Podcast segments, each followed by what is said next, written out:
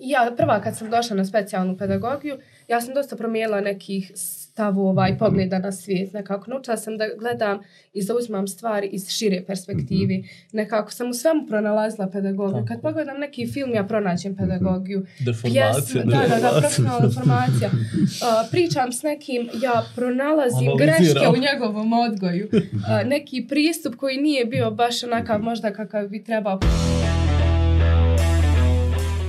Dobro večer poštovani gledalci i a, dobrodošli, evo gledam, izvinjavam se. Dobro večer još jednom, dobrodošli a, u, a, kako da vam sad ovo objasnim.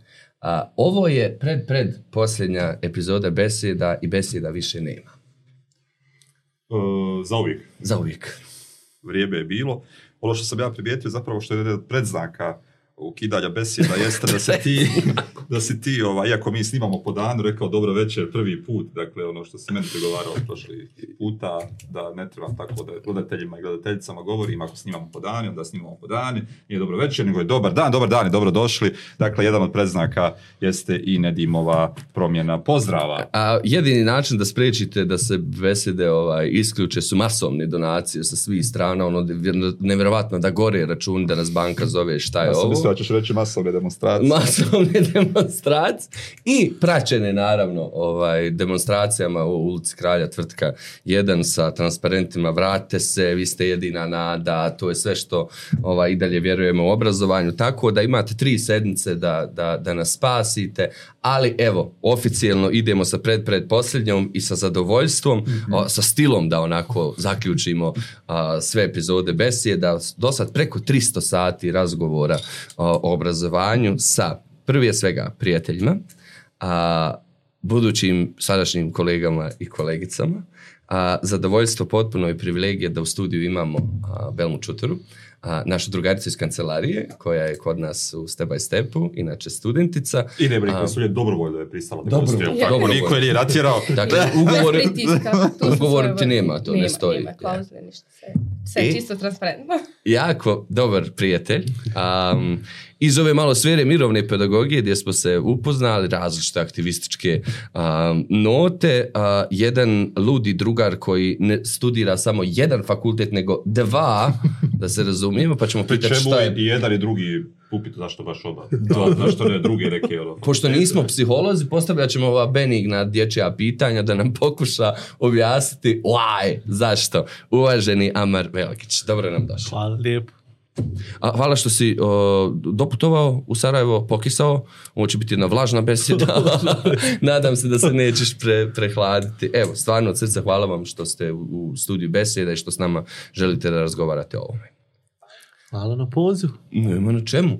Um, sa kolegicama Sandrom, uh, Lelom Ospić i Lelom Kafeđić smo u prethodnoj uh, epizodi nekako započeli razgovore oko upisa na nastavničke fakultete, oko toj, oko jedne ludorije. Pa ajde da, da otprilike demistifikujemo šta to znači biti student nastavničkih fakulteta, pedagoški i tako dalje. Temeljno pitanje jeste zašto je toliki interes srednjoškolaca za upis na nastavničke fakultete? Čuli smo desetine hiljada su ovaj, zainteresovani za... To je stvarno misterija. Pokušat ću je riješiti nekako. Pa u principu, a, ako pogledamo istraživanja koje, koje je univerzitet radio, možemo vidjeti da zainteresovano za upis na nastavničke fakultete u minus beskonačno. ovaj, to dovoljno odražava kakva je situacija i odnosno stav društva prema nastavničkim profesijama. A, moje, moj stav po tom pitanju, ako smo zaboravili na nastavnika kao društvo, onda se zaista možemo pitati da li idemo u provaliju ili ovaj, postoji neka alternativa ona opet optimistična, da li će postojati alternativa u kojoj možemo nekako da se sačuvamo pa da postepeno vraćamo dignitet nastavničke profesije ili ovaj, zaista pasti u jedan ponor iz kojeg se nikad više nećemo izvući. Tako da onaj, na nastavničke fakultete rijetko se ko usuđuje upisivati, a trenutna situacija na fakultetu na kojem smo nas dvoje, a, kad razgovaram s, dru- s kolegama sa drugih odsjeka, u principu svi ti predmeti koji ih obrazuju za nastavnike, oni nisu svjesni da su njihovi studiji nastavnički i da nisu željeli upisati te studije. Da, zapravo da se bave nekim sadržajima koji taj je, nastavnički pred, fakultet nosi. A onda imamo i studije koje ovaj, primarno nisu nastavnički, a ljudi ih upisuju jer misle da su nastavnički. I onda dobiju jel, informaciju od nas pedagoga ovamo, ali vi ćete biti skroz nešto drugo, kao pa mi ne možemo raditi u školu, ne možete uopšte jer vam studij to ne odobrava. I onda se oni onako panu u ponora i kojih ima 140 recimo na jednoj godini. Tako da a svi žele u prosjeti, jel da se ostvare u konačnici. Tako Ostvarim da se ostvare Taj u broj prosjeti. 140 i gdje je zvonio, rekao, tih nastavničkih fakulteta sa 140 upisanih. Htjela si nešto Da, da, reći? da, također ja sam primijetila da kad sam bila na promociji našeg fakulteta, da svaki odsjek potencira to da pruža mogućnost rasta u smislu pedagoških i nastavničkih profesija. Svaki od njih kaže da pored toga što uče, ne znam, o jezicima, književnosti i slično, ima tu mogućnost zapošljenja u prosvjeti da. se ostvari. Baš su rekli da se ostvari kao prosvjetari. Aha, dobro, moram to... Tako da tu smo negdje možda i poželjni nekome, neko se krije. Samo, samo trebamo pronaći, ovo je sigurno jedan od načina kako da je. dopremo do, do tih srednjoškolaca koji stvarno nekako moramo zanemariti to da se pedagogija i nastavnički smjerovi upisuju možda zato što mi volimo djecu. Moramo se odmaći od toga jer mi moramo zavoljeti obrazovanje da bismo danas sutra bili mogućnosti da volimo djecu i da im pružamo obrazovanje koje zaslužuju, koje im je zagarantovano pravima. Šta bi, bio, šta bi bili motivi srednjoškolcima da dok prolaze ono, imaju pamćenje osnovne škole, pa su onda u srednjoj i gledaju to što se događa ili događa unutar srednje škole, šta bi bio motiv da oni jednog dana budu dio kolektiva profesora srednjih škola koji, preko im predaju koji uče. Dakle, šta ih može motivirati?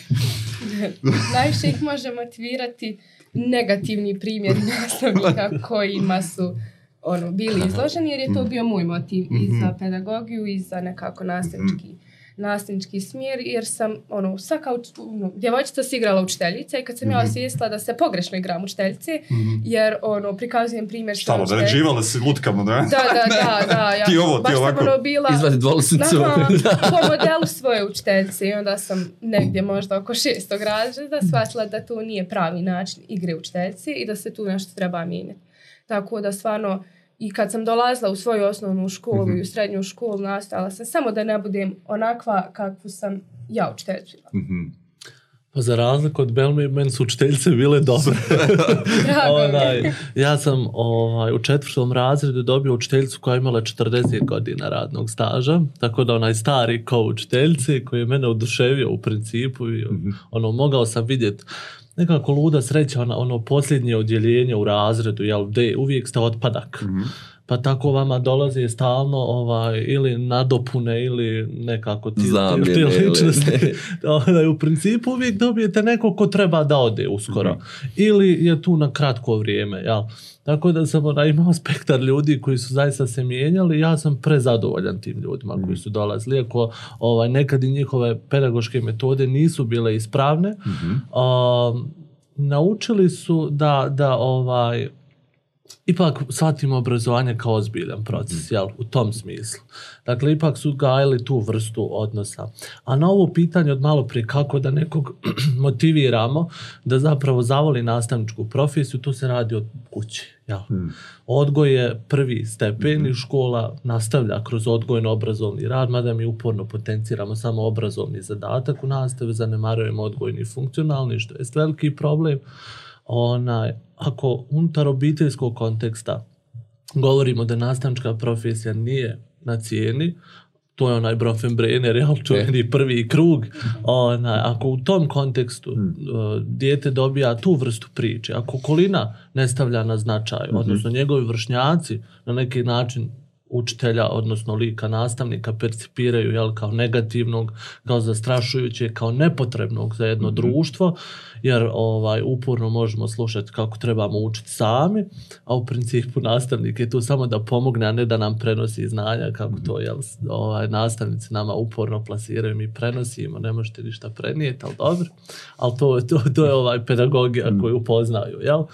Ovaj, tako da ako nismo uvezali sve elemente koje, koje dijete dolazi u dodir, dakle roditelji, svoji vršnjaci, ljudi iz sredine, dakle komšiluk jako ima važnu funkciju, a onda i ta školska klima u kojoj učitelj dolazi na mrgođen na nastavu ili ljut ili histeriše, naravno da to dijete neće zavoljeti taj poziv i neće ga interesovati. A da ne govorimo jel, o tome, o feminizaciji nastavničkog poziva, pa svašta nešto što se dešava jel, kod nas. Me, prilikom mog izbora studija je bilo kakva pedagogija, kakva latinski. Prvo latinski to studiraju popovi, jel? Ona, ja ću se zarediti, to je bila ovaj teza koja se zagovarala. A U principu- pedagogiju za pedagogizirati. A, a to, je, to je ženski studij, to je ženski studij i drugi argument, pa to je jednostavno studirati. Moj mozak nije za to. Mhm. Jel, ja sam trebao na elektrotehniku, na medicinu, Ne. na fiziku. To su studiji koji su Drugog bili za- reda ili trećeg reda. Tako je, to je studij koji Kao i nije predmeti u školama. Realno. Tako. Tako da, onaj, ali vremenom su promijenili taj stav, što je jako dobro. Jel? Ovaj, kroz studij onaj, vidjeli su da tu ima jako puno posla, tu ima jako zanimljivih stvari, onda nekad donesem nešto od pedagoške literature, pa se ona i pročita u tom okruženju, pa ja i pročitam neke elemente iz, tih, iz te literature, pa kažu, pa ovdje ima nešto pametno, jel tako da ima? Aha, dobro, znači možemo o tom da pričamo. Ima dosta stvarno praktične nastave kod nas i nekako kad ljudi vide, kad na primjer moji prijatelji vide šta ja radim na fakultetu, kakve radionice pripremam, kakve časove pripremam, kakve nastavne planove, pa naravno, pogotovo individualni planovi programe, zato što sam ja na studijskoj grupi specijalne pedagogije, onda stvarno vide da tu ima nešto i da je to možda, hajmo reći, i budućnost, a i potencijal uh, društva, jer ja prva kad sam došla na specijalnu pedagogiju, ja sam dosta promijenila nekih stavova i pogleda na svijet. Nekako naučila sam da gledam i zauzmam stvari iz šire perspektivi. Nekako sam u svemu pronalazila pedagogiju. Kad pogledam neki film, ja pronađem pedagogiju. Deformacija, Pjesme, da, da, da, profesionalna informacija. Uh, pričam s nekim, ja pronalazim Analiziram. greške u njegovom odgoju. Uh, neki pristup koji nije bio baš onakav možda kakav bi trebao. Pa onda u svom ličnom odgoju sam pronalazila dosta grešaka i u odnosu sa mojim roditeljima. Nemoj ići tamo, nemoj ići tamo. Baš je daleko, ono, Stavi to pod tepih i. Daleko, daleko to baš ode. I onda moji prijatelji su naučili da se odnose prema osobama sa invaliditetom, kako da ih nazivaju, da koriste pravilnu terminologiju. Da, da, da, to Tako da se stvarno u pedagogiji krije jedan širi društveni doprinos, ukoliko je shvatimo na pravi način. Ali ja se uvijek Naučno. vraćam i uvijek ću se vraćati na studente. Nekako su studenti meni najveći problem. Hajmo na profil taj. Ko upisuje nastavničke, pedagoške, učiteljske fakultete? A sad ja znam, ok, ne bavimo se empirijom, ovdje se bavimo generalnim doživljajem sad. Kakav je to profil? E, Jer mi kad smo radili istraživanje, e, zadnje koje smo radili, mislim da je bila 2014. i radili smo tu intrizičnu motivaciju budućih studenata zašto upisuju. Nekoliko razloga nam se među prva tri pojavilo. Jedno je stvarno taj uvriježeni, pa infantilni stav volim djecu, što ja odbacujem u potpunosti. Naravno da je važno, ali kao profesionalac mi je važno da radiš jako dobro svoj posao. Ljubav jeste sastavni dio toga, kao da, da, da kao vaš, kako to laka kaže, unutarnje, unutarnje gonjenje. Ovaj, šta, te, šta ti je incentiv, tako. A, jed, drugi a, koji nam se izdvojio jeste da im to uopšte nije bila prva, a, prvi izbor. Um, htjeli su svašta nešto drugo, pa evo, tu je, tu, tu je slobodno. Ja sam baš ta druga osoba, meni je psihologija bila prvi izbor, nisu me primili i ja sam vidjela... Kajače se. Kajače se, to sam njihov, njihov gubitak. I ja sam na oglasnoj ploči na fakultetu vidjela specijalna pedagogija. Ja sam došla kući, malo istražila, hajde reko, mogla bih ja ovo, pa ću se prebaciti. Vjerujte mi, nakon prve godine psihologija mi nije bila, znači, ni na kraj pameti. Kajačete se. Ono, rekla sam, vi, vi ste to izabrali, tako je. Što vam je, ja sam stvarno, ono, baš kao što je prethodni, zapravo prije naše profesorice Sandre Gost govorio, ja sam zavoljela ono što radim, tako da mislim da je to stvarno ono, i najbitnije. Amer? Pa u principu o, latinski se nije mogao studirati jedno predmetno. I, Do pedagogije kao drugo predmet. E. znači, a, moja želja bila matematika, ja kad sam htio studirati, bila je matematika, režija, sve što je to bilo u planu. I A sve što ima veze sa latinskim. sve što ima veze s latinskim i onda se desio zapravo taj latinski u srednjoj školu za koji sam ja pojmao, mislim tu nema šanse. Znate ono kad ste naučeni biti onaj odlikaš, onaj napaćeni odlikaš, e to ono mora sve biti tako, ovaj, iako ja tu titulu onaj, učenika generacije ne priznajem i ne volim je kod sebe isticati jer nije realna, nije validna apsolutno. Onaj, um, ono, došao je taj latinski u srednjoj školi i ako ma ovo će biti jedna trojka, ono, solidno, ali ne, ne, ne mogu ja to jače nešto, jer tako je predstavljeno, jel? Jednostavno priča je bila toliko jaka da smo ono već povjerovali u stavove koji dolaze iz okoline i to nema šanse, jel? Niti da bude interesantno, niti da bude zanimljivo, ali se dešava smjena generacija profesora, tako da onaj dolazi mlađa profesorca i koja vodi cijelu tu priču i mene počinje latinski da interesuje. I onda se dešavaju ta neka takmičenja i na, na evropskoj razini pokažem određene rezultate. I ovaj taj civilizacijski kontekst koji je jako važan, koji je onako mene uvukao cijelu tu priču.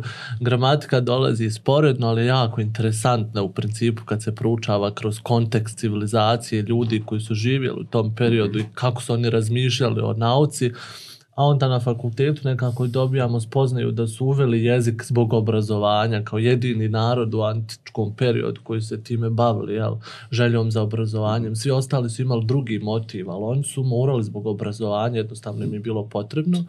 I onda ovaj, ja se odlučim za latinski. Kad počinjem istraživati zapravo onaj, šta će me tamo čekat sve od predmeta, od grčkog pa nadalje, koji mislio sam opet da će mi traumu stvoriti, ali mi postaje jako drag jezik na fakultetu. A starogrčki? Pa starogrčki, Da, da, da. starogrčki. Ok. Postaje mi jako interesantan, ali ovaj, morao se još nešto studirati. I u principu meni je bila želja BHS, ovaj, namjerno koristim skraćenicu, jel, BHS. A, međutim, odustajem jer ovaj, nekako i profesor su tu bili, onaj, ma šta ćeš od tog, ne, nema od tog, ima nas svakako previše. I ovaj, tragali smo za nekim predmetom u principu koji bi bio dobra alternativa. I onda je naumpala ova ideja Senadi, profesorci, Dobro. da bude pedagogija. Senada Milanović Bukov. Jeste, jeste. Naumpala je pedagogija i onda da malo istražimo šta, šta bi to moglo sve tamo da me dočeka i u principu dolazim do zaključka da je to idealan idealna kombinacija, jer smatram da ono što prvi studij nudi, ne nudi dovoljno za nastavnika.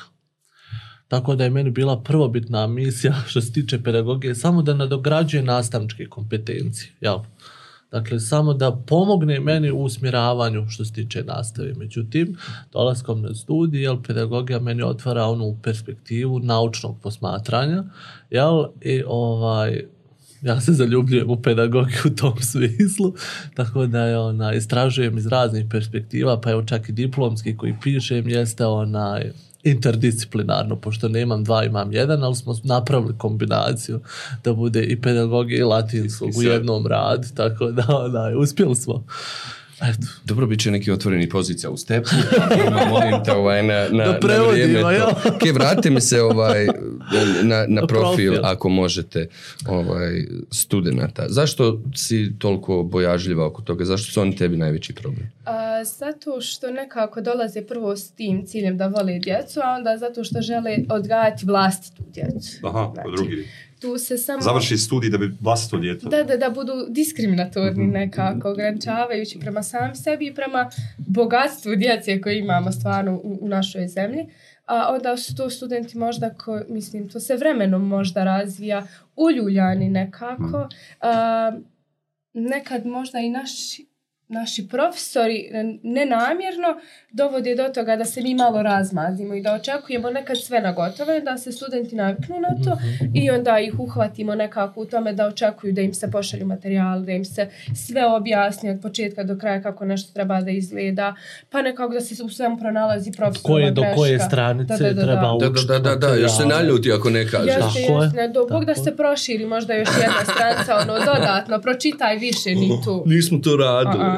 To nije bilo tako. Onda ispiti da budu samo u formi za okruživanje, eventualne dopune, dok mi ono ostali Dok volimo stvarno da sve budu ispiti otvorena jako, jako komplikovani. i vrlo kvalitetni prije Tako je. svega. Na primjer, baš sam malo prije spominjala Imeru i Jadni um, ispite za vrijeme korone, mislim.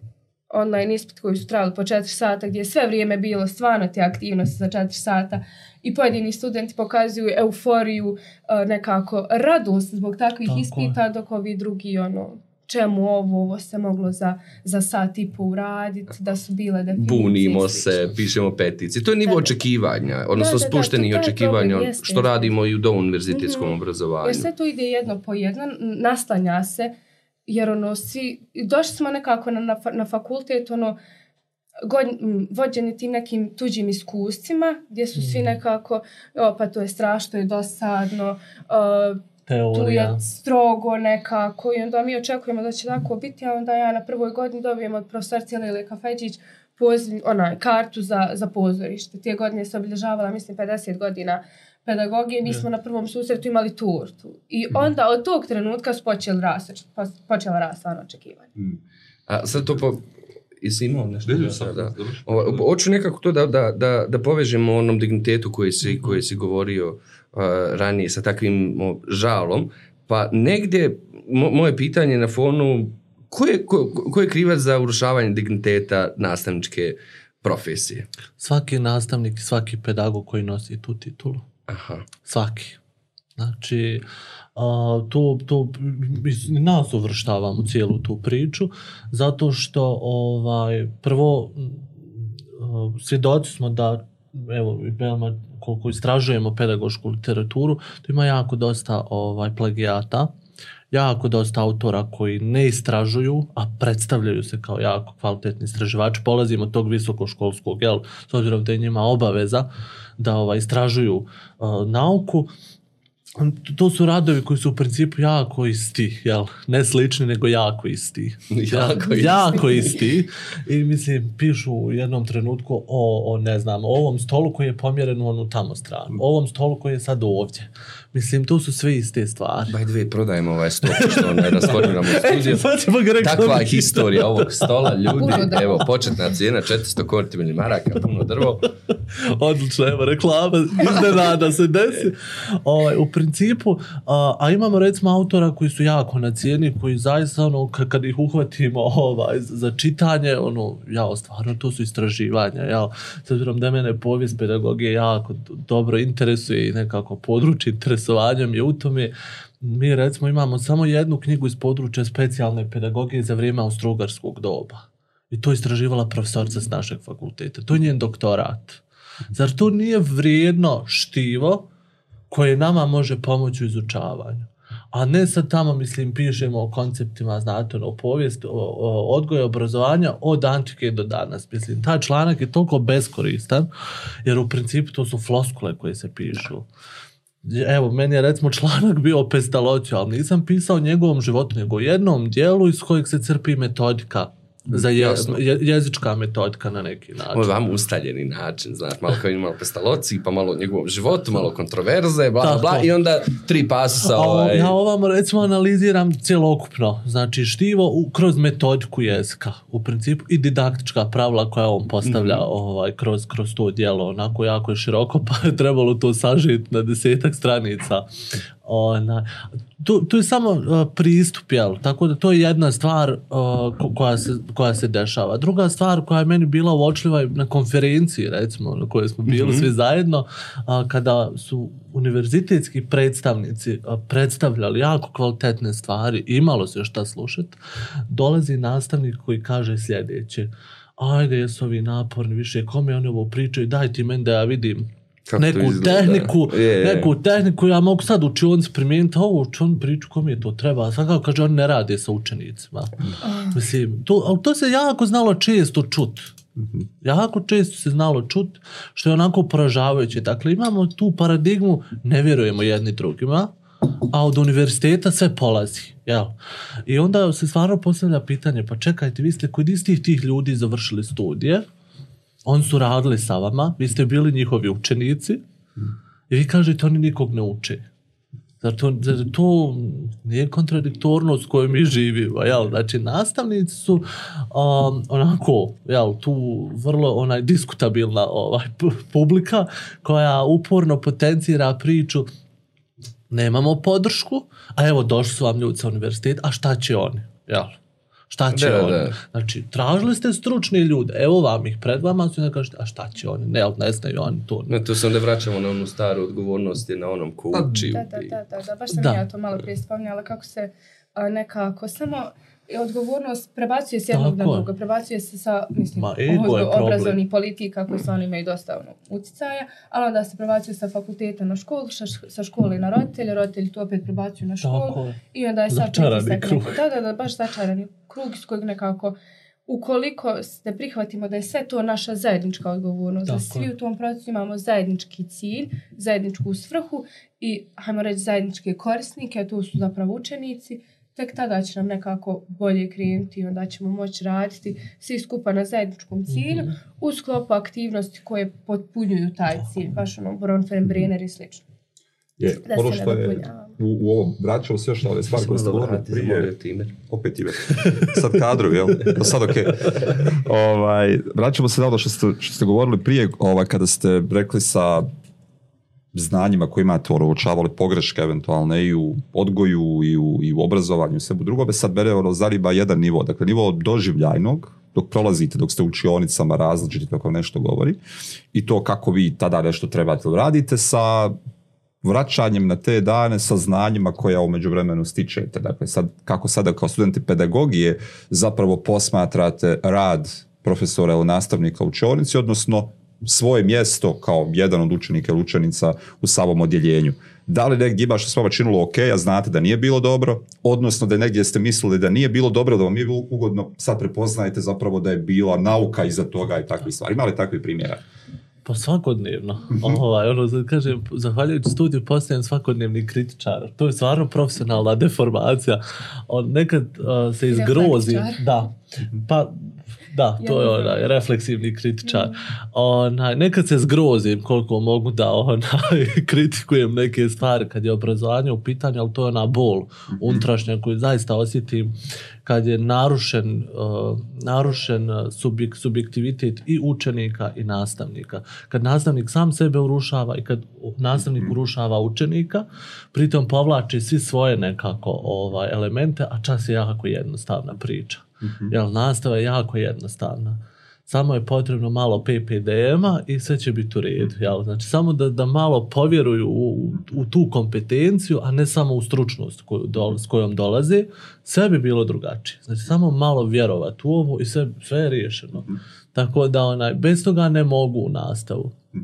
I uporno ćemo o tome da pričamo, jel, kao pedagozi. evo, jel možete da, da prepoznate otkud dolazi sad i našim razgovorima sa ljudima koji, a, kojima primarno nije nastavnička ovaj, profesija izbor, nego su, ne znam, imaju svoju neku nauku kojim se bave, a, kao što je većina nastavničkih fakulteta, odgajate za sadržaj i evo, nek si vrsan poznavaoc tog sadržaja, nisi nastavnik. Šta mislite odakle dolazi a, uzroci takvog jednog pogleda na jer čak i čujem kako izgo, izgovaraju kao nam je važno da mi poznajem matematiku, ala, poznajem matematiku, poznajem historiju, tu sam dobar, ali ova, ovo, ovaj dašak PPDM-a nema ga. Pa, možda zato što nastavnička profesija nije cijenjena i onda njemu je možda draže da se on posmatra kao matematičar, kao fizičar, nego kao o, nastavnik matematike ili fizike. Ili fizike. E, nekako da on zadrži tu svoju stručnost, tu svoju nekako primarnu nauku, a ne vidi nekako multidisciplinarnost pedagogije koja se može primijeniti stvarno u, u, u različitim dijelovima čovjekovog djelovanja, rada, života, bilo čega. Nekako on želi da bude priznat u društvu, ali ne da dobija nekako plati sa strane od, od pedagogije, Od- odnosno nastavni, nastavničke profesije. To je česta pojava, ovaj, recimo kod mene u okruženju um, je aktuelno da uh, nastavnike stručnih predmeta, recimo u elektrotehničkom jel, usmjerenju, uh, imamo jako malo. Dakle, deficit kadra je nastavničkog. Iako imamo sve više inženjera, jel? Rijetko se ko usuđuje da ode u prosvjetu i ne žele. Sasvim je to legitimno pravo i više cijenim takvu ličnost nego ličnost koja će reći pa dobro, ovaj, znaš šta, na terenu moram biti, ali to je meni mrsko, u školi onako imam fiksirano radno vrijeme, 3-4 časa ja odoh kući, jel, i neću ništa više raditi, ako to nije nastava, i onda ovaj, uh, donese zaključak da je škola jel, puno jednostavniji posao i onda kaže, pa dobro, to je sigurica, ima 100% platu riješenu. I ovaj, odlazi u prosvjetu. Dakle, ta ličnost nije dobra, ne treba biti cijenjena i ne može biti priznata kao nastavnik. Jeste da radi kao nastavnik, ali Tako je. I još bih dodala nekako kad dođu, na primjer ja sam završila stručnu uh, srednju školu, ja sam završila medicinsku školu i onda kad dođu tako osobe koje su završile stvarno medicinski fakultet ili slično, hajmo reći po znacima nav- navoda, završi u školi, ne svojom voljom, ja to u potpunosti razumijem. I pritom niko ne polaže da. PPD. Da. To je meni jako zanimljivo. Znači, za medicinsku struku rijetko ko položi PPD, grupu predmeta. Pa i za neke druge. Da, da, da. I ti si onda došao tu, potpisao si ugovor, odgovoran si za učenike koji će je. danas sutra raditi posao medicinskog tehničara, ali ti pokazuješ određenu dozu frustriranosti koju osjete učenici i koji se nekako mogu odmaknuti od predmeta koji ih je možda prije zanimao, je. struke koja ih je možda prije zanimala i sve to nekako ide kao na grudva snijega, sve ide jedno na drugo. Frustracija Da, na da, da. frustraciju. Do... I onda Koja se te stvori jedna nezdrava, nezdrava klima u učionici. Samo da dok nismo nastavili. Super mi je ovaj razgovor. Ovaj, Rijetko kad čujemo i teoretska uporišta, tako da ovo je Pa negdje se. rukavica, braci. rukavica u lice svim onim nastavnicima koji su postavili ove bedeme o kojima, a, o kojima govorite. Da li vas iko, evo kad se inspirira me ovo što govorite, um, Prvo si govorio o feminizaciji a, nastavničkog poziva. Ajde, ako vo- volio bi da ako možete elaborirate malo oko toga. I ovaj drugi nivo koji je na nekom opet vezan za, za koncept feminizacije, a to je norma protiv a, 40-satne radne sedmice. Jer u kojem, ne, negdje sam, e, u istraživanju koje sam pominjao, a, jedan od a, razloga zašto su upisali, govori, kaže, ovo je savršen posao za ženu. I ja sad čitam iza šta to znači u ovoj patrijarhalnoj, duboko patrijarhalnoj kulturi. To znači, imam svoja 3-4 časa, mo- mogu ići kuć da namirim sve. Ovaj, što, što, posao. tako je, kućni, ovaj, neplaćeni. Pa ako otvorimo udžbenike, pogotovo za, za, za mlađu populaciju, jel, udžbenike za, za razrednu nastavu, kad se predstavljaju teme zanimanja, recimo udžbenicima moje okoline, pošto više to nije priroda i društvo, kad sam ja išao u srednju školu. A te kad je namir išao. Kako? Nije bilo predmet. Namir ima odbranu i zaštitu. I osnove marksizma. Osnove marksizma, to treba vratiti. Ja. Ovaj, e sad, unutar tih učbenika kad imamo temu zanimanja, imamo lik učiteljci. Nemamo S naučarama i do ovdje pažnja. Jeste, ili, paž, ili recimo u repu je svezana kosa, suknja je do koljena, sako koji je, tako je, ne, neka boja je ovako vrlo, vrlo stereotipiziran učbenik koji prikazuje zanimanja. Tako da recimo imamo učiteljcu i na drugoj strani pekar. Jel? Učiteljica, pekar. Onda dalje, vatrogasac, nema vatro... žena, Šta? jel? Nemamo tu Nema Ovdje samo riječ. kako se Ne, kaže. vatrogaskinja. Nikada vidio osobu. Nemamo, jel, jedno policajac, iako je hajde sad može to kao i da prođe da bude žena, ali recimo nigdje nećemo vidjeti učbenicima, ja bar nisam nailazio do sad da imamo učitelja kao lika. Ili odgajatelja. Ili odgajatelja. Pomak se s mjesta. Da. E, Mada je to sve, mislim, to je problem društva koje je nametnulo, odnosno nastavnika koji imaju onaj silni ponos, moramo raskovati odgajatelj, učitelj, nastavnik, profesor. Tako. Iako je to... To je ego o kojem si govorio. da, to je znak jednakosti, ali jednostavno da bi se oni distancirali jedni od drugih, onaj, na, smislili su te ideje, pa je to tako prošlo lijepo u sociologiji, onaj, da, da, aha, znamo, imamo odgajatelja, ti radiš u vrtiću, ti nisi, ovaj, Vi si igrate s djecom. tako i si igrate s djecom, čuvaju djecu dok tata, mama ne dođu. tako, ili, ili što bi ja rekao, ono, uporno, onaj, glavni metod rada u nastavi je igra, pa vi shvatite u kojoj god ovaj, dobi se radi, s kim god jel, da radite, da, li adultnom grupom, da li sa Evo, mi na gerontološkom, fakultetu se igramo. nevažno je. I divno. Tako je, pa morate se igrati, jel, kao, to je njima svima čudno, onaj, sa predmetima i svim tim. Tako da problem je zaista ego, jel, onaj, to prihvatanje na, nastavnika u tom, tom smislu, iako recimo postoji čak i predmetna orijentacija. Kad je ovaj muško-ženski odnos aha, u pitanju. Tačno postoji predmet koji bi trebalo da predaje žena, postoji predmet koji treba da predaje muškarac. Jel? Nekako je ovaj, u matematici žena opet svaćena kao stroga, ali ne toliko stroga kao profesor, ali kad muškarac to predaje, to je sigurno jedan težak nastavnik koji maltretira i tako. Stroga ali pravedan. Tako, stroga ali pravedan, čuvena definicija. Tjelesni i zdravstveni odgoj kao predmet, mislim, to je ono masovno bila maskulinizacija poziva, bar u kantonu u kojem ja živim, jel, masovno. Pa se je. preliju u političku sferu, pa... Pa, i to- da, da, politika je posebna opet tema za sebe. Ona, tako da zaista ta, taj um, uh, pristup uh, odgoju i obrazovanju, to što jel, predstavljamo u društvu da su žene nježnije, to ne znači da će dobro raditi sa djetetom, jer ovaj, mi i dalje živimo u paradigmi da žena ovaj, ima motiv da rodi dijete da će se s njim ovaj, Mora. da mora da rodi dijete, da je urođen majčinski Kaš instinkt da je urođen majčinski instinkt, iako su istraživanja zvančno pokazala u pedagogiji, nisu to ljude budale, jel, nekako su proveli istraživanja pa su došli do zaključka da nije urođen, nego da ga učimo Ma šta odgojem. pričaš? Da učimo odgojem, jel? Onaj, vrlo je jasno to. Kad smo mali, tačno se zna s čim se igra djevojčica, s čim se igra dječak. Koje su boje neki igrači? Koje su boje neke igračke, koji su to predmeti koje se E sad je problem što se to nastavlja evo u razgovorima koje smo imali sa Hanom Čura kad smo o feminizmu govorili. U biti, koliko god to boli neke, perpetuiranje patrijarhata se dešava u vrtičkim sobama i razrednoj nastavi i to od strane ženskog subjekta, što je strašno. Ja bih još napomenula da kada čitamo knjige, uh, uvijek se spominje da smo mi, ok, nastavnice, učiteljice i slično, ali kad se čitaju neke knjige, starije pogotovo, uvijek su učitelji, nastavnici, Tako je. Ja, ja, Istraživač. Dobro, to je ta, taj... ovaj, A pritom ima istraživanja koja, koja potvrđuju važnost muškog subjekta u, Nastavi, u, odgaja, u, u vrtičkim grupama, u razrednoj nastavi i tako dalje. Pa u, u principu ovaj, ne igra spol tu uopće funkciju. Mi, mi smo malo zarobljeni kulturološki, ja bih rekao, poprilično brojnim stvarima. Ovaj, o, igra samo PPD. Ja uporno se vraćam na to, znači PPD, to igra ulogu. Ako neko shvata šta je obrazovanje, ima empirijski pristup tome, on će moći voditi nastavu. Okay.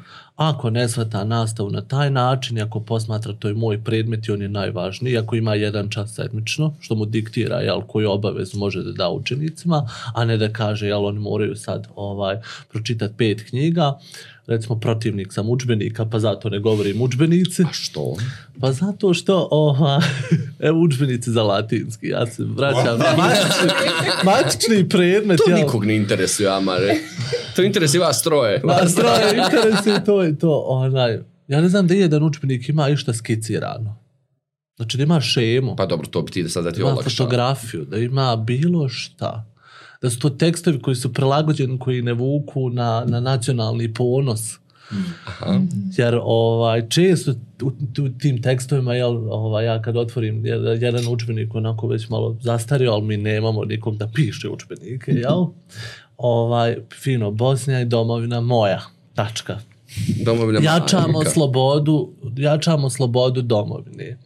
A, vojnici su prešli preko rijeke, tačka. I sve su tako rečence koje mi treba da prevodimo učenicima. zar mogu biti bilo kakve druge rečenice? Mogu, mogu. Neke mirnodopske, ne daj Bože. Mo- a mo, mogu, može biti govorni latinski, samo je problem da to... Vojnici su prešli rijeku i svi izginuli. da, da, ili recimo, hvala ono, im. ova, ići ćeš u ratu, poginuti, poginuti ćeš i ta, mislim, te, te konotacije A, za domovinu. Da, za domovinu. Tu, tu, tu Za nije ovaj, toliko prilagođeno, onda nama u MPP-ovima stoji da moramo se posvetiti rimskoj kulturi i civilizaciji. U principu, kad malo pogledamo hrvatske učbenike, Uh, iako je ovo jel, nezgrapan termin, odnosno učbenike u Hrvatskoj, jel, onaj, možemo vidjeti da su ljudi puno posvećeni izučavanju latinskog jezika na pravi način. Zato što su tekstovi prilagođeni civilizaciji. Civilizaciju uče iz prevođenja. I to je poenta. Ko bi rekao? Znači, od tekstovi o Eneji, njegovim lutanjima, Romulu i Remu, fantastične stvari, ali onaj, zato kažem, u- ne, ne, udžbenik jeste ono, pišemo ga u nastavnu pripremu, ali ga ne koristimo, jer onaj nije funkcionalan Pogotovo uopšte. danas kad imamo stvarno različite izvore, različite tehnologije, mi tako se je. zatvaramo u taj udžbenik gdje je jedna lekcija objašnjena na strancu, to su Da. dvije stranice, a nekako u širini, u, na internetu imamo takve izvore, takve vide, takve crtane filmove koje možemo koristiti za, za, za bilo šta. A mi se svjesno zatvaramo u, i, i u ta četiri zida možemo otvoriti prozor i izaći Da. i do, do komšija, do Evrope, do svijeta, gdje god hoćemo. Jeste imali priliku raditi u učionicama tokom Da, studija? da. Mhm. Kako izgleda to iskustvo? Dobro. Pa, ja sam i ranije radio u. I prije studija. I prije studija, opet zahvaljujući profesorici Senadi, jel? Ona, jer rekla je moramo te pripremiti za nastavnički studij, tako da nije moglo otići nespremno. Tako da sam ja vodio dobar dio izborne nastave iz jezika i književnosti. S obzirom da mi je to jel, bio izborni predmet ovaj, u, na kraju obrazovanja. Pa, o, zanimljivo iskustvo u svakom smislu. Čak mi je ovaj maturski rad bio za oblast kreativnosti, jel pa kreativnost latinskog. Kakva- Kakva tema za kakva, istra- kakva tema za istraživanje, jel? Onaj, a, ja volim učioncu i ovaj, učioncu je najlakše organizovati sa nula maraka, jel? Ne treba ništa. Učionički prostor ne košta, nastava ne košta. A mi se uporno vraćamo, no, nemamo mi ništa, škole nemaju resursa, ne treba ništa. Treba ništa. Ne trebamo mi nikog čekat. Ovaj, didaktička učionica je učionica koja je prilagođena toj grupi. I zašto nekad one glupe stolove koji nisu prilagođene nastavi, nego su prilagođene samo za ispitne situacije, mada ni, ni, ni za sve ispitne situacije, nego za pismeni oblik provjeri, ovaj, zašto ih nekad ni, ne odmaknemo u stranu i ne sjedimo svi na podu u krugu i držimo čas. Bluh bilo tu onda u cipalama. Da, zašto ne bi recimo svi smje, zašto ne bi svi sjeli, ja recimo kad radim radionice sa srednjoškolstvom mi stalno mijenjamo položaj, jel, ja prekidam onaj proces, onaj, iako tu recimo ima milion ljudi koji tu još rade, oni moraju da glume majmune onaj, u tom prostoru, Kao, pa vi nas tjerate da se blamiramo, jeste, ali ima pojentu što se blamirate u ovom prostoru. Iz nekoliko fa- razloga i onda oni, jel, kroz kasnije evaluacijske procese dolaze do zaključaka zašto se Jasno. maltretiraju pod navodnicima. Tako da onaj Jones je jako jednostavan prostor. Jako dobro. jednostavan. Također ja sam imala, ja sam u sklopu studija, mi smo kod profesorice Sandre iz didaktike imali priliku da dobrovoljno, to je bila kao dodatna aktivnost, vodimo časove. Sad je obavezno. Ja, eto, super, to mi se sviđa, to Obavezno. mi se sviđa. Ja sam imala čas u svojoj osnovnoj školi, uh, čas odjeljenske zajednice, baš sam imala prijem prije nego što sam došla, a onda sam došla i dočekala su me stvarno ti učenici koji su nekako bili radosni što se eto nešto novo desilo, što su malo razbili tu rutinu, što im je došao neko novi i bili stvarno zainteresovani. Ono što me baš pozitivno iznenadilo, to su bili učenici petog razreda, ja sam radila uh, temu um, samosvijest, samospozna, uh, samopouzdanje, tako nešto, slika o sebi dok, dok mi nadođe, slika o sebi. I ja se sjetim svog petog razreda i rekao, šta će meni učenici znati o, o slici, o sebi u petom razredu? Ja nisam znala. Da me neko pita u petom razredu, šta misliš o sebi? Ono, sve naj. Sve naj. Ona, mišljenje vlasnik spomena, sve naj. A, I onda ja dođem, krenem ispitivati ono kako sam ja to sve sebi kroz aktivnosti, kroz igru, kroz različite neke materijale. Djeca znaju, djeca se poštuju, djeca imaju pozitivnu sliku o sebi i ja sam onda izašla stvarno uh, radosna, vesela i nekako optimistična jer se opet napreduje. Kad sam se vratila u svoju osnovnu školu, vidjela sam da je moja ta učiteljica koju sam voljela iz sebi nepoznatog razloga napredovala, da su djeca tu napredovala, da su nekako na višoj razini, kognitivno višoj razini nego što smo mi tad bili u njihovom dobu. I to mi je iskreno bilo značajno. A, jesi htio nešto? Pa to je posljedica Z generacija, jel? Oni jednostavno imaju jako dobru kognitivnu razvijenost i generalno dolaze sa predispozicijama, odnosno kompetencijama kojih ne trebamo podučavati uopće, jel? Ona, a mi uporno se vraćamo, moramo, moramo, jel? Iz početka informatičku pismenost ne trebamo, iz početka i Samo tako tu, dalje. pošto smo razgovarali sa, sa profesorsom Lejlom Osmić o, o a, Namir ima jednu potpuno drugu opštu, opštu teoriju da obrazovanje nema nikakvih sad, ni pridjeva, ni sufiksa, ni prefiksa, u smislu za marginal- marginalizirane, za talentirane i tako dalje. Ali, evo u razgovoru sa Rastkom Močnikom govorili smo o obrazovanju kao klasnom pitanju, pa smo tu pomenuli, pritom u Bosni i Hercegovini živi gotovo trećina djece na granici ekstremnog siromaštva koji nemaju one startne pozicije da roditelji rade sa njima, nisu imali podražaje koji su vrlo važni u ranom djetinstvu i tako dalje. Da li tu imate neka specifična promišljanja o obrazovanju, evo, ako već moramo marginalizirane djece, djece koje nemaju dobre startne pozicije? Pa u principu, um, to, to Pa je i u ono- kontekstu Z generacije, To- jer i tu imamo ono, razlike Pa, među djecom. mi generalno potenciramo na tome ne bi trebalo, jel? Pedagogija bar to zabranjuje, onaj, svako dijete je jednako kad dođe pred nas i onaj, svi ti uh, parametri, odnosno potencijalne karakteristike koje dijete nosi sa sobom su nama određeni znakovi koji nama služe za observaciju i interpretaciju njegovog ponašanja, jel?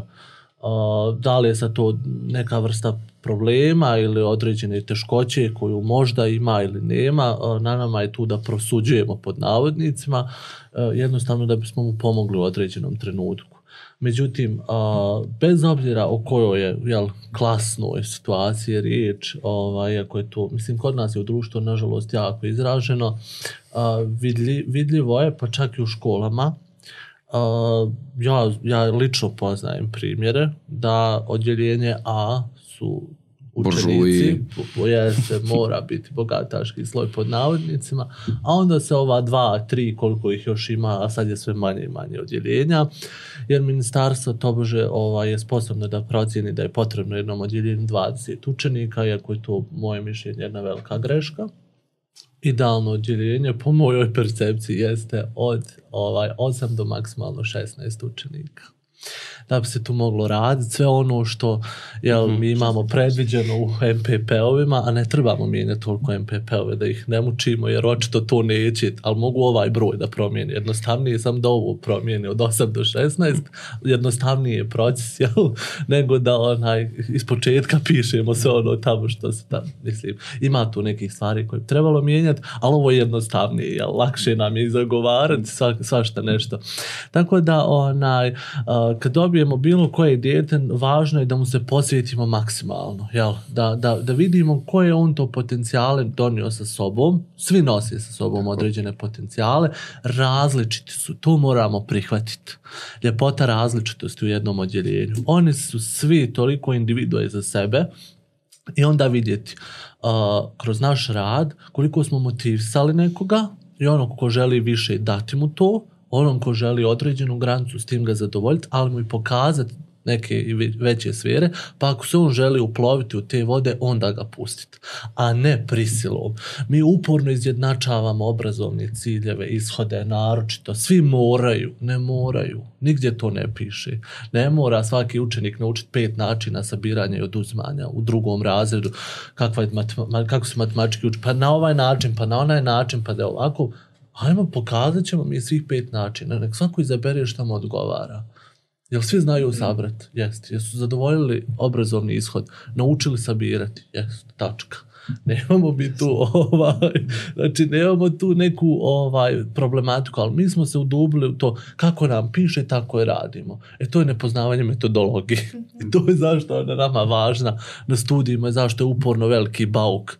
Metodološki znači da samo postavimo okvirno stvari, a onda jel, praksa donosi različite izazove koji nama diktiraju proces. Tako da bez obzira ovaj, koje, koje vrsti djeteta pod navodnicima je riječ, iako recimo imamo autora koji po temperamentu klasificiraju lako teško dijete, tako da ovaj, do djeteta je lagano doći. Samo, samo ga, evo škola je obavezna, dakle to dijete će morat doći. Jel, roditelj će morat, jeste, roditelj će morat pronaći alternativu, ali ta četiri sata koje dijete boravi s nama mora osjećati kao najtopliji dom. E to je poenta priče. Sve što je kolega opisao zove se univerzalni dizajn za učenje. Stvarno nastavnici to mogu istražiti i mi smo sto časova, mislim, nastavnih priprema mo- morali da prođemo kroz univerzalni Tako je. dizajn za učenje. Stvarno nije teško. I onda budeš ponosan na sebe kad nađeš ideje za pet različitih načina, pet različitih dimenzija. I stvarno se može, može primijeniti. To je, hajmo reći, jedna jeftinija uh, varijanta unapređenja obrazovanja. To je meni I bila tema kroz predmet kod profesorce Osmić baš onaj, vodila je taj predmet, mislim vodi i sada, prava djece i obrazovno pravo. To je na prvoj godini izborni predmet. Ovo, ja sam ga odabrao jer jednostavno me interesuju prava na obrazovanje i sve To sve. ne može ovaj. biti izborni predmet, to mora biti obavezni To, to je predmet. bio izborni predmet. Ja ga tad nisam imala ni po izborni. Nama, nama je bio izborni na prvoj godini i ovaj, moja upravo tema je bila onaj univerzalni dizajn za učenje kao pretpostavka ostvarivanja prava na obrazovanje i tu smo zapravo jel, pondili ovaj, da bez obzira šta imamo u odjeljenju, svako moramo pristupiti. Pa makar pripremili 20 različitih Ali to je nastavnih teško, listića. to zahtjeva pripremu. E, to se kosi sa onim što kažu da imamo 4 sata je. dnevno posla nastavnici, aha. a ne znaju koliko vremena ode na pripremu. Ako ode. Ako, Treba je- to je vrlo mi smo važno. da treba otići, možda čak i duplo. Ali će vas škola naučiti da u biti idete kući. Da, da. A, strastveno govorite o, o obrazovanju i školi i sad kažete ovo analizu i to kako i šta učite, na koji način radite. A, Belba, kakva je tvoja idealna škola? Kakvu školu zamišljaš? U kakvoj školi bi voljela da radiš? Slobodna djeca sama. Odlično. Manje više sam rekao, pa dobro imaju bazene u školu, to mi Pa, se sviđa. ja, da. ja sam Ili ih naprave da, sami. Da, da, ja, ono, da je neka škola koja je u prirodi, koja ima veliku zelenu površinu, ne želim betonske površine ispred škole, ok, to može u sali, ali nekako da ispred ima prostora nekako za fizičku aktivnost koja je stvarno zanemarena kod nas. Je. I onda da djeca u mojoj školi imaju tri kvalitetna obroka, da djeca ne jedu po pekarama, da ne jedu po prodavnicama Iako je kantina po zakonu obavezna. Da.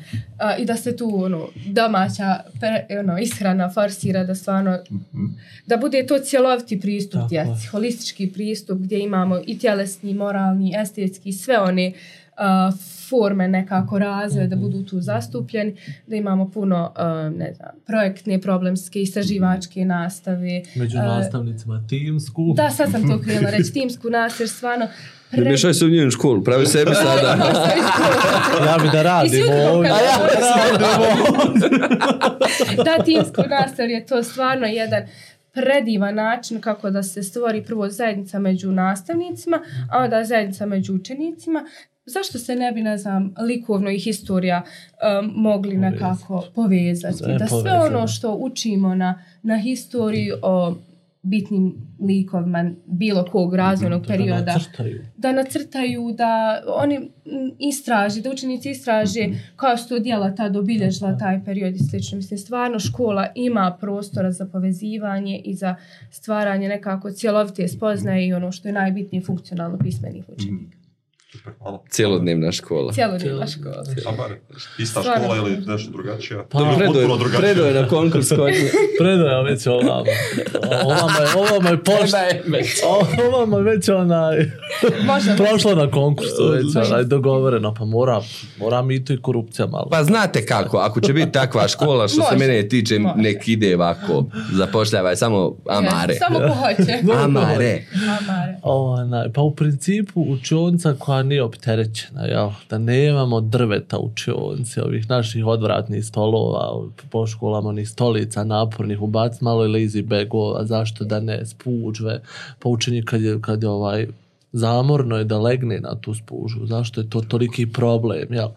Pa recimo učenik da slobodno nekad i pojede nešto na tom času, jer bože, možda je potreba za glađu ključna u tom trenutku, a ne ovaj... kad ide u WC kad zvoni. A ne pa peta deklinacija koju ja danas izlažem i tako dalje i tako dalje.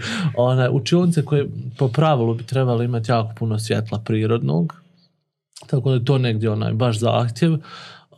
i didaktike generalno meni jako svjetlo prija u otvorenim prostorima, jel, onaj, dakle, sa onim visinskim je recimo Amerika ako dobro rješavala, cijel, skoro cijeli zid je u prozoru, jel? A, s obzirom da smo mi u takvom društvu, trebalo bi baš onaj proz, prozor na vratima, jel, pa kad direktor ili pedagog prošetio malo da zavire što taj nastavnik radi, a ne da uvijek kucne pa da uleti, pa da se sve ono, Ako vrati. kuca. Tako je, da se vrati onaj početni položaj, da nastavnik traži svoju pripremu, aha, došli su mu sad svi načas, nego onako da može malo da provjeri kroz ono, da prati šta se dešava u cijelom tom procesu Mhm. i da onaj, dolaze obrazovani nastavnici, a ne stručnjaci. Odlično. Obrazovani nastavnici. I ova jedna važna komponenta s obzirom na okruženje u kojem mi živimo, a to je graditi, graditi i izgraditi interkulturalnu osjetljivost. To je ključ. Jesmo li na tom putu trenutno? Svako u svom polju. Pa jesmo na ovaj ekstrakulturalno. Ekstra. ekstrakulturalno, interkulturalnom sigurno nisu. Ona, jer nekako, evo, kad su bilo koji praznici, mislim, to je recimo kanton Sarajevo dobro uradio. Mi smo na unutar fakulteta imali svi praznike slobodne, što je jako dobro. Ali opet postoji razlika između praznika Bajrama koji je nenastavni, koji je neradni Da, dan, da, to a je ostala problem, dva da. praznika su nenastavni Ali I to je dobar i malo- ovaj pomak. I Pa, ovo je dobro. Step by step. I ovo je dobro da, da su tu napravili. Ne, Ali mene interesuje suština, ono što, što je stvarno se uvjerenje nastavnička, ono što zaista živi među ljudima, a mislim da, da smo daleko ovog, od ovog če, o čemu govoriš. I to me rastužuje. A, da li vam je nedostajalo prakse na, na, na fakultetima? Ok, imate vi svoje oglede, pa glumite jednim drugima učenike i tako dalje. Svakako Um, da nedostaje, stvarno. Da. Mhm. A, nas je nekako a, zakačila pandemija, te smo mi sedmicu, baš kad je trebala biti praksa u Sedmica. Aha, ta sedmica. Da. Da, Bog sedmica ključna. pripremila za nastavu. Ključna. 12. i 3. Jeste. Petak. Mi smo trebali imati prakse u osnovnim i srednjim školama, međutim to se nije realizovalo. Pa i ovo dosta što se e, realizuje, a, ja smatram da stvarno naše profesorci i asistence koje organizuju tu praktičnu nastavu imaju dobru namjeru, ali kad mi dođemo u određene zavode, institucije i slično, tu naiđemo na, na liniju, na taj neki zid, jer Niste još formalno dio da, ni, sistema. nismo, nema te saradnje što, na primjer, da, da, da oni dolaze kod nas. Što oni ne bi došli kod nas i oni se nama predstavljaju, ne da se mi njima predstavljaju. Jer mi ćemo biti njihovi možda radnici ili kolege ili slično. A, da se tu malo im ta ko zlato. saradnja. Da, da, da u nama vide zlato. da, da se unapređuje ta, to partnerstvo. A, I nekako kad odemo, oni se nimalo ne trudi da nam nek predstavi nešto novo, da nam pokažu, da nas odvedu, nego stavi nas negdje gdje nas neće ti baš. I eto, budi s djecom, čuvaj, čuvaj, čuvaj djecu. E, Mada taj- stvarno imala sam susret s jednom uh, učiteljicom iz Zavoda Mjedenca, gdje je bukvalno dva svoja časa posvetila svim mojim pitanjima, bila je na raspolaganju, nekako mi je vratila tu uh, Vjeru. vjeru, stvarno vjeru i nadu da postoje ljudi koji su u specijalnim i, uh, redovnim školama stvarno uh, maksimalno posvećeno bave svom svoj. Da. I to su oni nastavnici koji forsiraju individualni pristup, koji vide značaj u njemu, poznavanju svakog trzaja. Dijete kad trzne, ona zna šta, šta ono želi, koja je njegova potreba, ona zna način na koji da zadovolji ili da spriječi da neko ponašanje pređe možda u, u ne, nepoželjno ponašanje ili bilo šta. Tako da taj individualni pristup nije toliko težak koliko ga možda neko shvata, nego samo možda zahtjeva malo duže vremena, malo više saradnje sa roditeljima i, i, i to je to. I ono što ste stvarno pomenuli, to je a, prvi onaj substancijalni razlog zašto ste u, u prosvjeti. On mijenja, ta uvjerenja mijenjaju o, poglede i način na koji nastavnici a, rade. Jel se vidite u školi sutra? Ili vas sve ovo Da. sad poprilično plaši? Uh, vidim se u školi, ali se vidim i na svim drugim stranama nekako, da se sve to poveže uh, u, u, u jedno nekako. Ono što, što sam dobila u pripremi, plan B, meni su svi planovi B, C, D, F. Nemam konkretan plan To je namjer uvrstio pitanje, ono pisali ste, dovoljno ste bili ludi da upišete takve fakultete, imate li plan B? Pa upisat latinski. Kasno ti, kasno ti. A onda još 15 novih planova.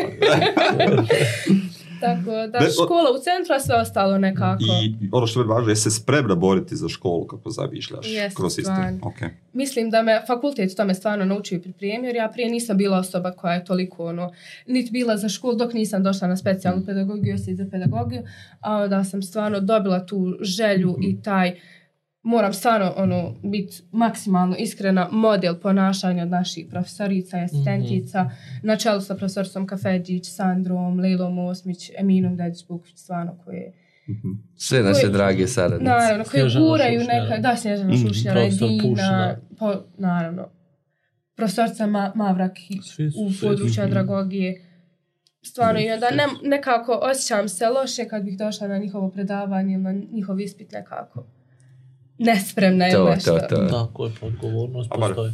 U školi se vidiš. Pa, uh, m, kad sam krenuo na studij, apsolutno, to je bila ona full želja, ono, ja čekam sam da ovo prođe i da uđem u učioncu, međutim, kako sarađujem, jel, stalno sa, sa srednjoškolcima, još mi je više želja rasla, Mhm. s obzirom da uviđam da imaju dosta teškoća u smislu razumijevanja nekih stvari, pogotovo čitalačka pismenost je opala na minus beskonačno, ja, evo, imao sam priliku raditi sa osnovnom školom i radim s njima isto, onaj, sedmi razred recimo imaju čitanje ono koje očekujemo u trećem razredu. I tako, jel, imamo Ja, zaista... Zaista... savladala elemente tečnog čitanja. Da, šta tehnike te- tečnog čitanja su veliki problem, onda poznavanje vokabulara, razumijevanje nekih stvari, do, dosta tu ima nekako stvari koje se moraju popravljati pod navodnicima, kao da smo stvarno došli kod liječnika, zubara, treba sad popravljati svaki mogući zub jer je svaki oštećen. Onaj, vidim se uh, iz inata, Mhm. Super. iz inata.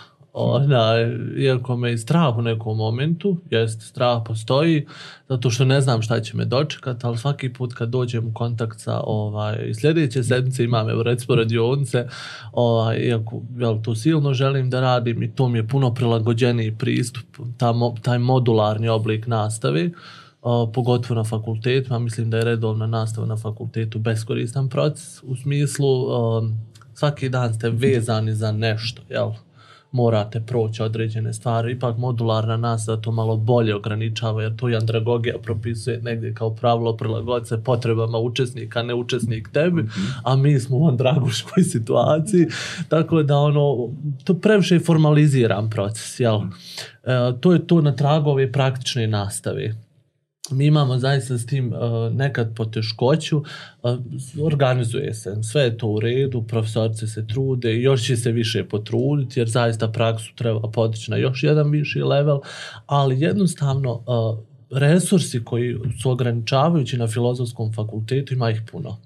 Prva stvar što jeste taj raspored časova zaista je on vrlo problematična priča, teško se prilagođavati jel, svim ovaj, zahtjevima, onda jel, recimo mi dobijamo vježbe u amfiteatru, vježbe se ne mogu izvoditi u amfiteatrima, nego su to namijenjeni posebni kabineti, laboratoriji, svašta nešto drugo, jel, šire učionce. Pa do same škole eksperimentalne u kojem studenti Tako je, mogli da rade. tako ali mi to recimo nije dobijemo- neizvodivo. Ali mi recimo dobijemo amfiteatar za vježbe. Mislim, ja trenutno imam četiri sata vježbi u dva amfiteatra, ali jednostavno onaj, to, to nije prilagođeno. Onda recimo toliko je raspored rascijepkan da ovaj, imam dva časa ponedjeljkom, dva četvrtkom, a tu se sve može prebaciti na jedan dan, jedan dan skroz osloboditi koji će biti namijenjen za svaku sedmicu praktične nastave. A i za tvoj neki angažman Tako je, volonterski tako bilo Tako, kakav gdje možeš kroz neformalni način unapređivati. To je jednostavno sad problematika strukture u kojoj se mi nalazimo. I onda je nekad jako teško organizovati kvalitetnu vrstu prakse, jer uh, praksa traži vrijeme. Traži pripremu, I mentore. pripreme, mentore, ljude koji, Resurse, sve. mi koji ćemo doći u tu pro, prostoriju, pa evo neko živi na Dobrnje, ali recimo praksa organizovana na, na čarši gore skroz. Znači njemu treba sati nešto da dođe do svoje prakse, jel? tako da mi o tim parametrima moramo jako dobro da razmišljamo, a ovaj nekad nismo u mogućnosti, jel? nekad i ostupimo od onog formalnog, ma ajde prekršćemo, ovo ćemo nadoknaditi, ali daj da završimo ovaj jedan tamo drugi dio. Tako da struktura na filozofskom fakultetu zna biti česta prepreka u principu da se organizuje kvalitetan praktični dio. To je taj nedostatak jednog dana skroz slobodnog koji će biti namijenjen praksi. Imam blic pitanje. Bojite li se sistema u budućnosti? Obrazovnih autoriteta? mislite da li vam mogu stati na put vašem viđenju a, učionici Ne. i škole? Također ne pogotovo koliko smo nekako u zajednici. Na primjer, ono, mi smo profesorica nam je baš to predstavila kako svake profesije ima 20% onih koji su super, 20% onih koji su ispod prosjeka i nekako te sredine. Ali onda razmišljam kad bi se svi mi od 20%, svi mi od unutar tih 20% sastali dali 100% od sebe, da mislim da bismo se mogli boriti protiv sistema koji, koji nam je sigurno prepreka, ali kojim, koji mi možemo nekako možda Smatrate da je to dio profesionalnog digniteta? Tako je. Pa ako mi ne vjerujemo ono što radimo, zar očekujemo Hoće. da će neko drugi u to povjerovati? I nemate argumentaciju da. za to što... Ako mi ne stojimo iza Tako. toga, borimo se što naši roditelji kažu, prijatelji, bilo ko s kojima dolazimo u komunikaciju, kaže šta će ti od pedagogije? Znam ja šta ću, pusti me da radim. Odlično. Uste da radi. Da. U principu, ne trebamo mi biti ti koji ćemo dizati revolucije na pogrešan način. Ja kažem, ne trebamo lajati, jel? Da. Pred publikom, onaj, znate, mi smo ugroženi, mi smo ovakvi. Pokazati na djelu. Evo, klasični primjer jeste onaj, da vidimo praksi iz učionica koju uporno pokazuje Stepi. Imamo ih. Evo, to je jedan od načina na koji mi hrabro govorimo o onome što jeste dignitet nastavnika. Ne trebamo ići mi sad joj, držam, držimo proteste, mi smo nezahvalni. Mi možemo taj pristup ovaj, iskoristiti, ali da li on daje rezultate? Ne daje, jer je neko gluh uporno na to. I bit će stalno gluh. Mi smo toga svjesni. Ali kad uđemo u učionicu, to je moj teren. I on tu ne može da uđe. Mislim, može doći kao gost. Ima apsolutno pravo. Ali mora raditi. Sjećam se pokojni radi, kogod je uđe u salu, žao mi je da si donator, izvoli sjedi radi, evo aktivnost. Znači, jednostavno moramo mi vjerovati u to što radimo i samo reći hvala, dobro što ste došli, izvolite, sjedite. I da. ne postojiš više. I u toj postoji učionici više. stvarat one, mislim, ne stvarat, mi nikoga ne stvaramo, Razvijati, poticati, da. razvijati one koji neće glasati za takav sistem danas sutra i Tako oni je. su nekako naša Jer od nas snaga. polazi sve. Da. Ljudi, meni je ovo, Sjajno. ali ozbiljno u stilu za, da, ovaj, da zatvorimo besede. Jel vam žao što besede više neće ići? Meni pogotovo. Pa znaš šta, ja ono, stvarno pratim besede ona, i pratim stvarno, koliko mogu da upratim sve emisije, tako da sad će mi fal taj program, jel? Navika je baš. Da, pa, pa, da, se na stare epizode. reprize. Ništa, ali ako budu protesti ovaj, masovni ove donacije, možda i bude. Dobri ljudi, ovo, ali apsolutno sam uživao. Hvala. O, vašoj energiji, načinu na koji govorite o tom entuzijazmu koji izlazi iz vas. A, vrlo jasno, pa evo, teoriji koja je vidljiva iza onoga o čemu Ne govori. smijemo je odvajati. Ne smijemo Ne i ona ovaj, je isprazna jedno bez, bez drugog. Tako to je jedan je. od postulata filozofija stepa od kad, od kad postoji. I ono što kažem stvarno, kogod pogleda ovu besedu, ovo je ozbiljna rukavica u lice svima onima koji ne mogu argumentovati a, svoje nezadovoljstvo, to što rade, ne znaju zašto rade, to što ne znaju jednu teoriju učenja, učenja koja stoji iza, ono, iza njihovog a, pristupa, tako da ja sam super ponosan i sretan da malo je to Rada je govorila uvijek kad ne možeš biti ponosan, to je, to je superiorno. Onaj, to znači da si ti nešto iznad. Ali sam sretan da postoje ljudi kao vi koji će sutra neprikosnoveno ući u učionicu unatoč svemu. Hvala Hvala. Bil si na tome što Da. ste šal. Trebalo nam je ovo. Trebalo je da se Mini. Da. Neće Rige ići izvan toga, samo će biti u ovoj prostoriji, tako da se ne brinete. Sve Ne treba se bojati pričati o obrazovanju. Ako mi ne pričamo, o, ne trebamo kritikovati. I samo pričamo ono što jeste, evo, pozadna odgoja obrazovanja. Nakon što I je iskritikovao cijelo emisiju, sve sad kaže, ne treba Ja, ja to ne vidim kao kritiku. To je to. E. A, bila je to a, kolegica Belma iz kancelarije, a budući kolega iz, iz kancelarije a, Amar Velegić, kolega Namir Ibrahimović. I naravno još dvije epizode kolega voditelj ovaj, Edin Krajišnik. I evo, već, pošto smo imena unaprijedili u gledaoca, iz producenta u gledaoca, you have been, a, kako ti kažeš, promoted to, to a viewer. A, evo, ako ima neka dobra porodica da primi imera u firmu, tako, poslije ovoga. Imere, hvala, hvala dobri ljudi, vidimo se još naredne dvije sedmice. Ćao. Ćao.